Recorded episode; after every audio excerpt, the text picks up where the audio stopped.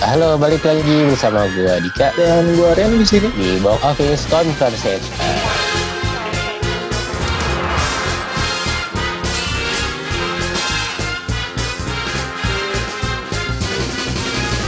Nah, Balik lagi via Zoom. iya balik lagi ke via Zoom, nggak live lagi, terus libur dulu kemarin Lebaran. Ini kita kayak mau menuju setahunnya kita ya, Ren? Iya. Setahunnya kita anjir. Kayak menuju setahunnya podcast ya. ada podcast masih lama, ha? Emang berapa sih? Agustus ya? Gus dus. Oh, dua bulan lagi. Ya nggak berasa lah. Iya, kita bikin special event lah. Nah, ini episode kali ini kita eh, ngomongin apa nih, Ren? Episode kali ini kita ngebahas fan teori film ya, seputar film dan serial TV. Nah ini sifatnya mungkin fan teori ini kan nggak resmi karena dibuat sama fansnya. Belum Hmm. diakan dari pihak yang officialnya dan belum dibantah juga nih. Ada yang belum dibantah, ada yang udah dibantah. Jadi kayak masih konspirasi lah. Bener Hmm. atau enggaknya ya ini berdasarkan fansnya aja. Fansnya bikin teori berdasarkan filmnya, dicocok-cocok logi lah ibaratnya ya. Jadi arti dari fan theory sendiri apa, kalau fan teori sendiri ya teori dari si fans. Hmm. jadi dia nonton film apa nih terus dia ngelihat ada plot hole atau kejanggalan atau apa yang unik dari filmnya terus dia cocok-cocok logi nih. Awalnya cocok-cocok logi nyari-nyari fakta-faktanya disambung-sambungin dan lahirlah sebuah apa ya kayak ide atau ya bukan ide sih kayak eh, menurut dia tuh kayak gini nih gitu Hmm. ya pokoknya teorinya dia aja dan teori ini ada yang udah dibantah ada yang mungkin diiakan juga terus ada yang belum nah ini masih belum jelas nih ya sebatas eh, hayalan si fansnya aja gitu. Ya mungkin gara-gara fansnya kurang kerjaan, nggak apa, udah nggak bahas film-filmnya, ya udah dia bikin teori sendiri. Cocok logi kali ya, kemungkinan ya. oh cocok logi tapi cocok loginya dia juga berdasarkan Iya fakta-fakta pasti. Iya, jadi cocok loginya itu dia berdasarkan spekulasi dari dia kenapa sih gini gitu dia kan. nemu fakta ini nemu fakta ini atau mungkin dari dialog dia nemu dialog ini kok merujuknya ke sini ya. Oh jadi dia berspekulasi sendiri akhirnya jadilah fan teori itu. Kalau kata gue sih mungkin ada benernya juga nih kurang kerjaan. Tapi kalau gue ngelihatnya lebih ke ini dia terlalu ini terlalu hype ke filmnya. Terlalu high, terlalu kritis kali ya. Hmm, bisa bisa mungkin karena terlalu senangnya dengan si filmnya jadi dia Iya, ngulik bener. nguliknya tuh lebih dalam Atau enggak gini Ren, gara-gara durasi, ya dia diringkes gitu. Jadi ada beberapa film yang nggak diceritain tuh asal-usul dianya gitu. hmm, bener-bener bener. Jadinya fansnya nih bikin ya teori sendiri. dan kebanyakan sih fan teori fan teorinya ini unik dan Mm. kadang make sense sih kadang masuk akal Iya. gitu karena emang dia ngambil spekulasi itu nggak cuma spekulasi gue doang tapi dari fakta-fakta film yang ada ya Iya. cocok-cocok login dikit sih Tapi nyambung sih menurut gue sih. Kalau Hmm. gue kan sebagai orang awam nih nggak terlalu fanatik banget dengan film, hanya suka aja kan. Hmm. Nah, tapi kalau misalkan dipikir-pikir lagi, oh iya ya bener mirip gitu. Atau oh iya ya bisa jadi gitu. nah, yo masuk lah gitu ya Iya. nah kalau lu apa ya fan teori yang yang Jadi lu gantian ya, kita tektokan ya. boleh Gua boleh, habis gua ntar lo gitu ya. Jadi gua nemu film nih, gue bukan fans sih sebenarnya, cuman suka aja. Sama namanya Jurassic Park. Ah, apa fan teori yang lu dapet dari film Jurassic Park Ini diambil dari Jurassic Park yang pertama nih. Hmm. Jadi tuh kan si John Hammond kan yang pendiri Jurassic Park kan Ah, dia kayak ngebuat dinosaurusnya ya. ah, Kan nggak tahu tuh jenis dinosaurus kayak gimana. Terus tinggi besarnya dinosaurus bener nggak tingginya segitu gitu. hmm, ya, ya, Jadi ya, tuh ya. dia ngebuat seolah-olah ngedesain buat anak dinosaurus tuh tinggi, gede. Gue nggak tahu dah fakta dinosaurus tingginya berapa. Cuman yang jelas Hammond ini ngebuat dinosaurus seolah-olah tuh gede, tinggi. Terus T-Rexnya kayak alfanya dinosaurus. Jadi semua dinosaurus tuh kayak tunduk dianya gitu kan. Bukannya itu dari ini ya dari kayak kan museum kan ada kayak fosil-fosil gitu. Gak diukur dari penemuan fosil-fosil yang ada di dunia nyata ya. Iya makanya. Jadi tahu gue ya Hmm. dinosaurus tuh nggak segitu segedenya gitu loh. Tapi dia dibuat seolah-olah tuh gede. Terus Hmm. pas lu nonton Jurassic Park pertama, dinosaurus itu kan dibuat ya. Hmm. dan DNA-nya tuh diambil dari binatang yang lain campur gitu Iya iya. jadi iya. berbentuk dinosaurus gitu terus ada ya cocok logi itu sama film Incredible Incredible. The Incredible ya. Ya, nah di scene-nya si Alan Grant yang peneliti dinosaurus gitu, pokoknya scene-scene awal tuh pas dia belum ke Taman Jurassic Park, dia tuh masih ada di penggalian fosil gitu kan. Iya, Terus iya. ada kalau misalkan enggak sih ya, ada di situ anak kecil, anak kecil yang kritis. Dia Hmm. nanya tentang raptor, terus dijelasin tuh sama si Alan Grant kan. Nah, yang jadi anak kecil itu mirip sama yang di Incredible. Yang cowok, yang cepet. Bukan, lo tau kan yang Mr. Incredible pas dia awal-awal bukan yang baju merah ya, waktu itu sempat pakai baju biru. Oh, yang fan Iya, fan-nya itu kan anak kecil juga ya, Ah. yang jadi musuhnya. si Syndrome. Dia ya si Syndrome. Dia kan ceritain tuh kan ya dulu si Syndrome itu kan ngefans banget sama Mr. Incredible. Iya. Terus dia sakit hati kan gara-gara dia pengen jadi kalau misalnya di pahlawan itu dia dijadiin jadi Sidekick. iya pokoknya kayak jadi Robinnya lah Ah. gitu lah. Sidekicknya Incredible. Iya, tapi kata Mr. Incredible dia nggak butuh itu kan. Hmm. Sakit hati tuh dia. Terus dia bikin, pokoknya bikin alat-alat sendiri biar jadi pahlawan kan. Nah, itu mirip banget mukanya sama yang ada di yang di Jurassic Park yang pertama, yang anaknya kritis itu. Oh. Mirip banget mukanya. Dan sifatnya juga kritis gitu. Oh, jadi maksudnya yang anak ini sama dengan yang di Jurassic gitu. Iya, dia sama. Mungkin itu juga jadi pokoknya jadi acuan kali. Jadi kayak ngindikasiin bahwa si be Incredible dan Jurassic Park ini bisa satu semesta gitu kan. Ya, nah, film pertama itu gua Jurassic Park. Nah kalau dari gue sih ini yang ini kayaknya sih udah banyak yang tahu sih katanya ya Hmm, film Aladdin. Aladdin. Aladdin kan kita taunya dia di kayak Timur Tengah gitu kan. Iya. Ada yang berteori katanya si Aladdin ini latar ceritanya latar tempatnya itu ada di masa depan, bukan Hmm. di masa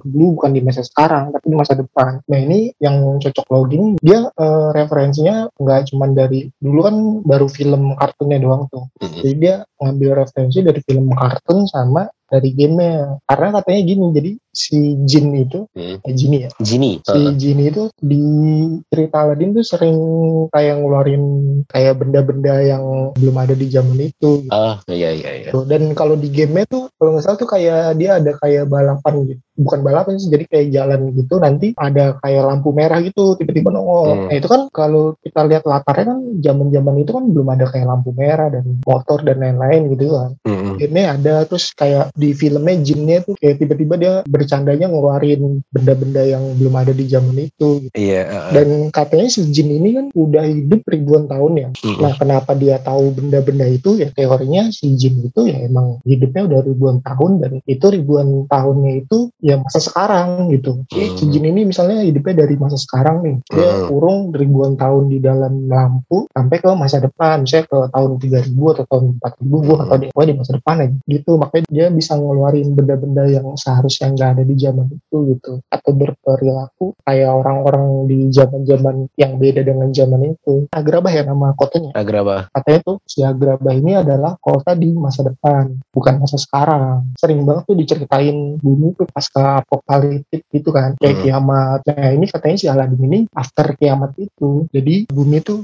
kebanyakan ketutup pasir gitu Hmm. gitu jadi kayak zaman zamannya si kayak Maze Runner terus Divergent gitu-gitu Oh iya iya. jadi Aladdin ini bangsa yang after kiamat itu dan kenapa mereka kayak di Timur Tengah ya sebenarnya bumi udah ketutup pasir semua Bisa jadi, bisa jadi. Jadi lebih dark ya filmnya daripada film kartunnya. kalau kita kan dulu mikirnya wah ini mah Timur Tengah zaman dulu Zaman dulu. ternyata uh, si Aladdin tuh ada di masa depan hmm, bukan masa lalu yang di orang-orang mikir ya. Mm-mm, masa setelah kiamat lumayan make sense sih kalau menurut gua Iya iya. setahu gue sih Aladdin itu yang kartunnya ada sequelnya deh cuman gue belum nonton gue lupa deh Aladdin ke seriesnya lebih Ren. oh di seriesnya Lebih ya? ke seriesnya. Jadi lanjutannya itu ya series. yang kartunnya ya Iya yang kartunnya. Soalnya kan yang burung kakak tua itu eh kakak tua ya. yang burungnya Jafar Iya Jafar itu kan tadinya kan jahat ya. Hmm. Tapi di seriesnya itu jadi baik jadi temennya si Aladdin. Oh, gue nggak ngikutin sih, kayak ngikutin filmnya doang sekali itu sama live actionnya doang. Enggak,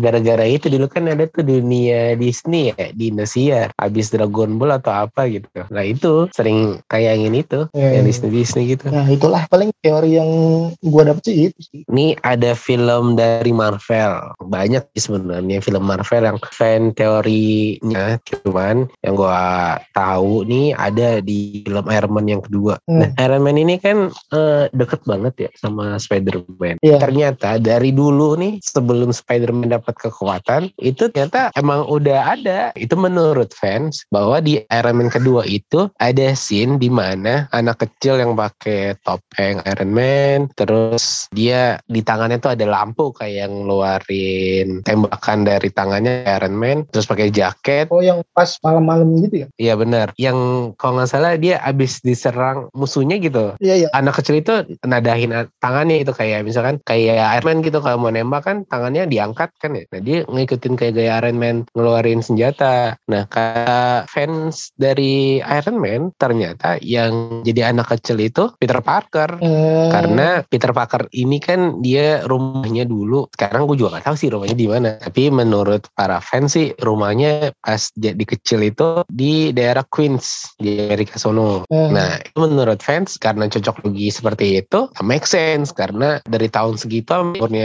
Peter Parker cocok. Dan ternyata si Tom Holland yang jadi Spider-Man itu Hmm. mengkonfirmasi bahwa itu bener berarti ini bener ya? ya nggak tau lah kan Tom Holland sendiri kan lu tahu sendiri dia sering ngawur kan pokoknya ngangkat filmnya Hmm. Oh berarti ini ini oh, ini bener ya? Mm-mm. Kalau Marvel emang banyak sih, sama kayak si Pixar punya konspirasinya ya. eh, dan pihaknya Marvel tuh nggak official mengiyakan atau membantah, tapi justru si aktor-aktornya ya biasanya yang ngejawab tuh. iya benar. Tapi make sense sih, dan Tom Holland berani konfirmasi berarti ada kemungkinan besar benar. Iya sih. Itu lebih kayak ke Easter egg. Easter egg tuh kayak petunjuk-petunjuk di film gitu. oh clue-clue gitu ya? Eh, kayak clue. Cuman kan di zamannya Iron Man 2 kan kita nggak tahu bakal ada Spider-Man atau enggak. Iya batar gabung apa kagak ya? Iya bisa-bisanya juga. Bisa ana aja. Cocok logi hmm, mentang-mentang udah ada Spider-Man jadi dicocok-cocokin gitu. Ya pinter-pinter marketingnya aja sih kalau itu mah. Iya sih. Nah apalagi nih lo lo dulu ada gak kalau gue ini tentang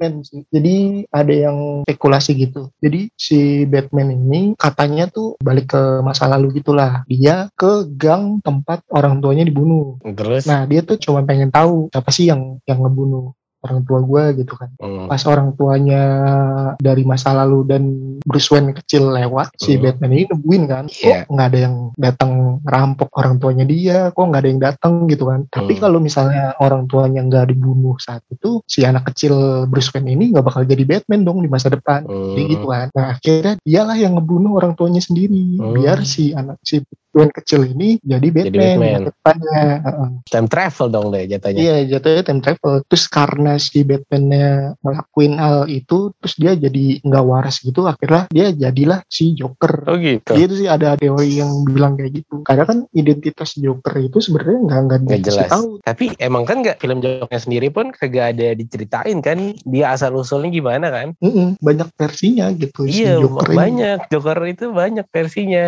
Kayaknya si Joker ini satu-satunya karakter yang nggak punya identitas asli gitu, nggak punya identitas yang pasti. Kalau kayak Batman kan udah pasti Bruce Wayne yang jadi, gitu Iya. kan. udah tahu Bruce Wayne masa lalunya begini gini gini gini. Terus kayak Mhm. Superman udah tahu pasti si Clark Kent. Nah, iya Lex Luthor udah tahu siapa gitu kan. Nah, Hmm. si Joker ini satu-satunya karakter yang ya yang nggak punya identitas gitu, bisa siapa aja. Kayak versinya Joaquin Phoenix, ternyata dia masa lalunya begitu. Terus yang si Heath Ledger beda lagi.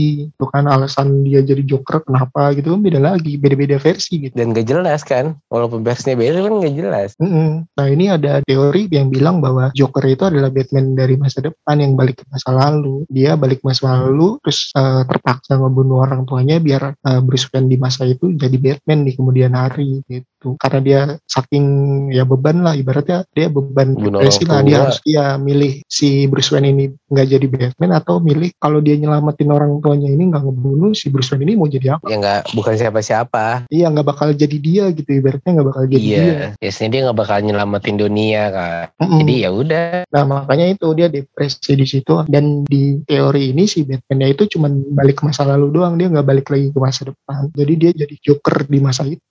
Jadi selama ini Joker yang dia lawan itu adalah dia yang dari masa depan. Jadi satu lingkaran gitu Iya, iya. kayak predestination. Iya, dia jadi cewek malah pernah ya. Nah itu orangnya dia dia doang tapi dia jadi ini jadi ini jadi ini. Iya, itu gua awal nonton Predestination tuh ajar bingung banget, lebih bingung dari Inception aja. Iya, gue kan suka Batman ya. Jadi ini teori yang wah gila banget sih kalau menurut gue. Iya, iya benar. Keren banget sih kalau dijadiin film juga plot twistnya gila kalau menurut gue. Iya. Di kartun pun belum ada kayak gini kan, Ren? Belum belum. Padahal kan sebenarnya di kartun itu lebih gila kan, maksud gua filmnya tuh lebih parah, lebih keren aja. Iya di komiknya pun, di DC-nya pun juga kagak ada yang lo bilang kayak gitu. Hmm, dan ya kalau menurut gue juga make sense-nya gini si Batman nggak punya kekuatan, si Joker juga nggak punya kekuatan dan dua-duanya tuh menang di taktik dan otak kan. Iya, Jadi benar. manipulatif juga dan masuk kalau menurut gue. Ya sebenarnya sih sama-sama gila sih gue rasa ya. Oh. Tapi kalau misalkan si Joker kan emang bener-bener harafiah gila dia ya.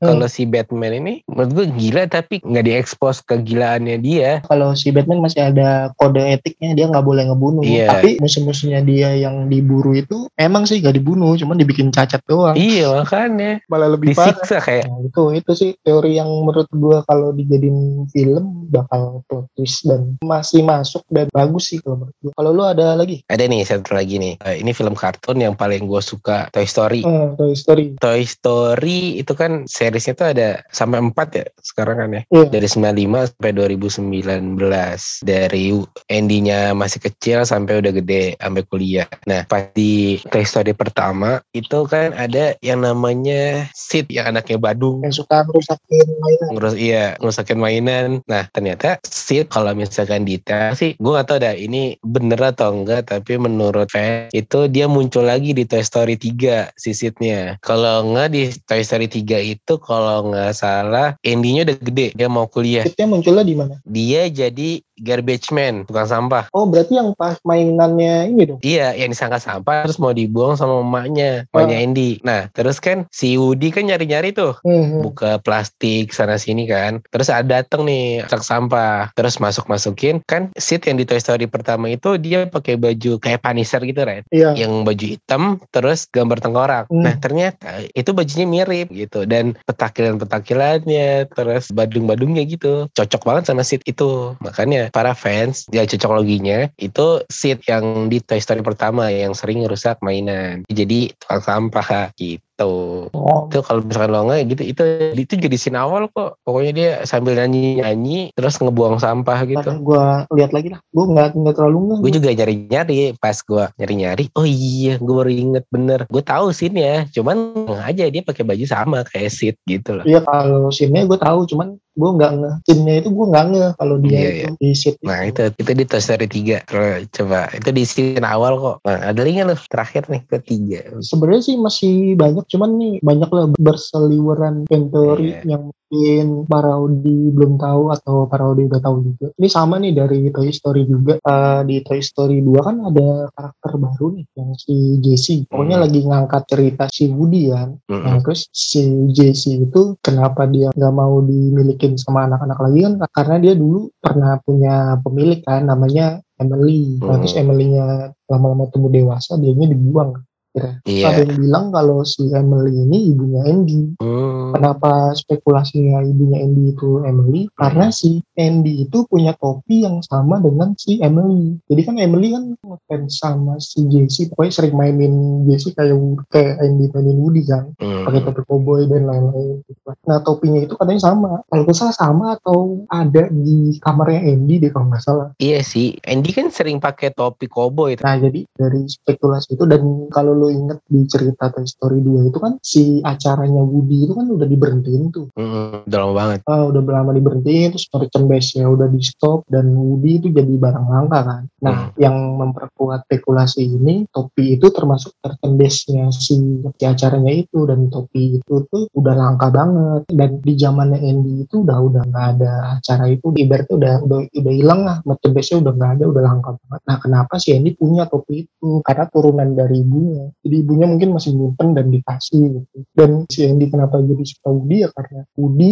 tontonan ibunya zaman dulu kan satu acara dengan Jesse kan iya benar jadi kayak diwarisin gitu ibunya dulu suka cowboy acaranya orang apa ya kalau nggak salah deh Iya Rounduper. Make sense sih itu, make sense, make sense banget. Soalnya kan zaman, ya tadi lo bilang ya, zaman itu kagak ada acaranya Woody kan ya. Mm-mm, sampai si Woody pun nggak tahu kan kalau dia bintang kan Iya. Dan ternyata Ah. gue sekarang browsing ya, topinya Andy itu merah mirip ke Jesse, bukan ke Woody. mirip Jesse ya Topi cowboynya Andy ya. merah merah Merah terus ada corak-corak putihnya gitu pinggirnya. Nah itu teorinya sih itu si Emily itu adalah eh, ibunya Andy dan kenapa Jesse pas tinggal sama Andy dia nggak ngeh ya karena udah udah berpisah lama dan ibunya udah jadi udah tua lah ibaratnya kan dia terakhir ngeliat tuh pas kayak pas zaman zaman kuliah deh sama kayak Andy ngelepas si Woody kayak Hmm. gitu sih kayaknya sih. Make sense, make sense. jadi ya karena udah lama ya jadi nggak ngeh dan ya turunannya jadi si Andy jadi suka sama Woody ya karena direkomendasiin sama ibunya mungkin itu sih Terus itu ada cerita lagi sih tuh di balik topi merahnya si Andy. Mm-mm. Soalnya dia selalu make sih. Tapi uniknya Toy Story itu Ren, Hmm. Walaupun dia nyeritain kisah lalunya, eh mainan nih, mainan kan diceritain kisah lalunya nih ya. Hmm. Tapi dia nggak fokus ke pemiliknya. Di orang-orang tuh terdoktrin kisahnya Jesse, bukan eh, Jesse-nya tuh ada siapa sih di Jesse-nya gitu loh. Hmm. Jadi nggak ngeh itu Emily ternyata itu ya punya ibunya Andy dic- dicocok-cocok terus sering pakai topinya yang mirip topi Andy mirip sama Jessie terus di situ sebenarnya Emily dikasih lihat dia itu eh, rambutnya selalu pendek gitu Hmm. pendek sebahu gitu. Sama kayak nyokapnya si Andy. Iya kalau di Sora tuh dia selalu rambutnya segitu emang segitu segitu terus. Iya, iya. ya paling itu ya teori ada lagi nggak lo teori-teori lain Nggak. atau udah cukup itu aja. Ya, ya mungkin para Audi juga pernah dengar yang kita bahas nih teori-teorinya. Terus teori-teori lain juga masih banyak banget. Masih masih banyak banget. Ya ini kita yang yang menurut kita apa ya? Yang kalau gue sih yang menurut gue unik. Unik dan kalau dijadiin beneran eh, make sense dan agak-agak bagus gitu lah Iya, kalau gue sih unik sama oh iya ya gitu. Dan ya karena gue juga suka filmnya tadi kayak Toy Story, Jurassic Park. Hmm, ya teori-teori ini bakal udah ada banyak dan bakal ada banyak lagi karena dari pihak officialnya tidak membantah dan tidak mengiyakan dan kita sebagai fans juga dibe- dibebasin buat berteori segala macam gitu kan. Jadi bakalan walaupun sekarang udah ada banyak dan ke depannya bak- pasti bakalan banyak lagi apalagi kalau si film-filmnya itu ada sequelnya lagi, ada eh, mungkin prequelnya lagi segala macam masih berlanjut nggak nggak tamat di situ doang. Itu pasti makin makin banyak dan makin liar juga. Terus yang yang berteori juga orang-orangnya pasti beda-beda gitu nggak orang-orang yang sama gitu. Iya, makanya itu juga Ren. Kita tadi ba dari ba dari tadi bahas film yang pasti ada sequelnya, nggak mungkin cuma satu film doang. hmm, hmm, benar-benar. Ya mungkin mungkin ini pembahasan fan fan teori part 1 kali ya. Nanti mungkin kalau ada kesempatan lain bisa bikin part 2 part 3 nya gitu. Kalau misalnya makin seru juga filmnya terus makin bagus dan teori-teorinya masih banyak yang belum di apa namanya belum dibahas juga gitu kan. Nanti kita bahas lagi mungkin di episode selanjutnya atau mungkin nanti di episode mendatang. Pokoknya di part-part berikutnya lah tentang fan teori ini ya Dan siapa tahu nanti kita menemukan orang yang jadi bisa jadi bintang tamu tentang teori ini. hmm, Ya kan lebih asik tuh kan. ya ya mungkin eh, nanti kita ketemu lah orang yang bisa diajak debat eh, masalah fan teori ini ya Dik. Bener. Atau enggak yang beneran dia suka sama film tertentu, ya nanti kita tanyain ventorinya apa sih? Hmm, Gitu. yang yang dia tahu atau yang dia pernah denger atau yang mungkin dia punya teori sendiri Iya benar, apalagi kalau misalkan dia suka kayak Harry Potter, tadi kayak Toy Story, Lord of the Ring, yang kayak sequelnya itu panjang, ya mungkin pasti dia pasti ada fan teori. oh ya sama ini juga ini kan apa namanya ya ini cuman fan teori bukan harus dipaksakan harus begini harus begini harus sesuai teori itu enggak ini cuman ya cuman seneng-seneng aja Se iya, fun fact aja sih. Bukan fact juga sih. Ya seneng-seneng aja. Jadi kayak imajinasi fans lah harusnya gini harusnya gini gitu imajinasi aja. Imajinasi aja. Ya udah.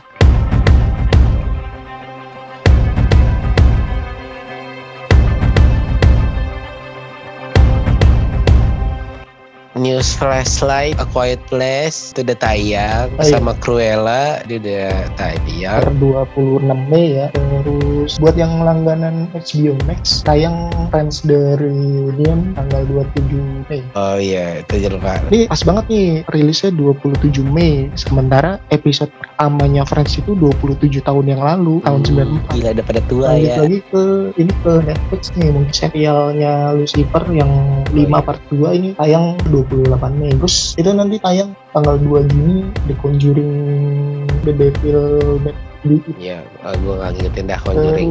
Balik lagi ke Netflix nih ada serial DC baru Oh tuh. judulnya Sweet Tooth Oh iya bener. Iya, gue juga nungguin itu tuh. Tuh tanggal berapa deh? tanggal 4 Juni di Netflix itu serial jadi ini produksinya si Robert Downey Jr. dan ini Sweet Tooth ini karakter dari DC Comics Keren keren. Disney Plus juga nanti bakal tayang serial Loki di tanggal 9 Juni. Cuman 6 episode tuh. Gue mau nunggu sampai habis aja dulu baru gue tonton. Soalnya nungguin seminggu kemarin. Balik lagi ke Netflix Lupin Part 2 itu 11 Juni tayangnya. Mas di- ini juga seru. Kalau filmnya di Netflix juga nanti bakal tayang ini Rurouni Kenshin yang The Itu Final. lanjutan apa gimana sih? Itu Ren? lanjutan kan? Oh, lanjutan. Eh, Oh. Jadi nanti Rurouni Kenshin tuh ada dua film. Oh. Yang satu The Final, yang satu The Beginning. Dibagi dua tuh. Yang final di Netflix, nanti yang The Beginning. Belum tahu mungkin bakal tayang di Netflix juga cuman tanggalnya kan beda nggak disamain. Ah keren dong, jadi gak usah ke bioskop. Nah ini baru yang the finalnya yang yang kayaknya sih part satunya di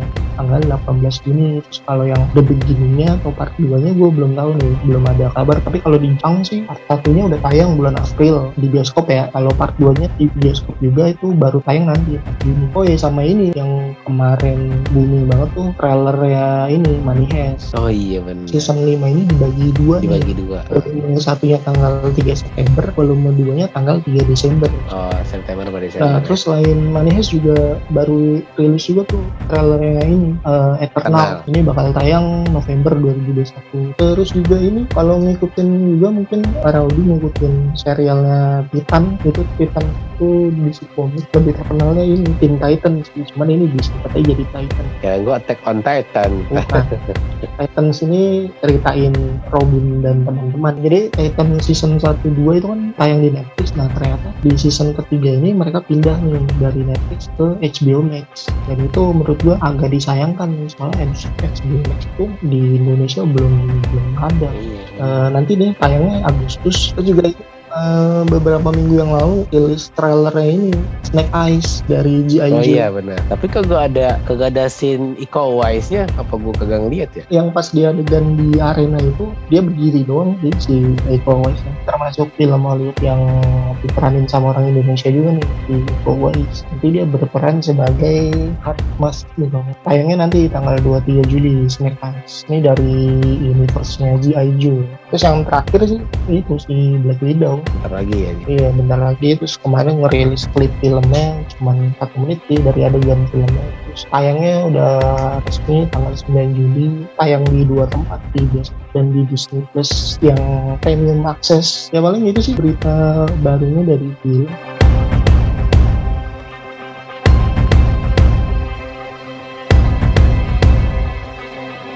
udah paling itu aja episode kali ini. Kalau untuk episode kali ini kita udahan dulu. Hmm. Sampai jumpa di episode selanjutnya dan para Audi eh, selalu jaga protokol kesehatan. Terus kalau misalnya mau nonton di bioskop juga patuhi protokol kesehatannya. Ini lagi high season, banyak udah mulai film-film baru. Sampai jumpa di bioskop-bioskop kesayangan Anda. Gua Dika pamit. Gua Ren pamit. Sampai jumpa di episode selanjutnya. Bye.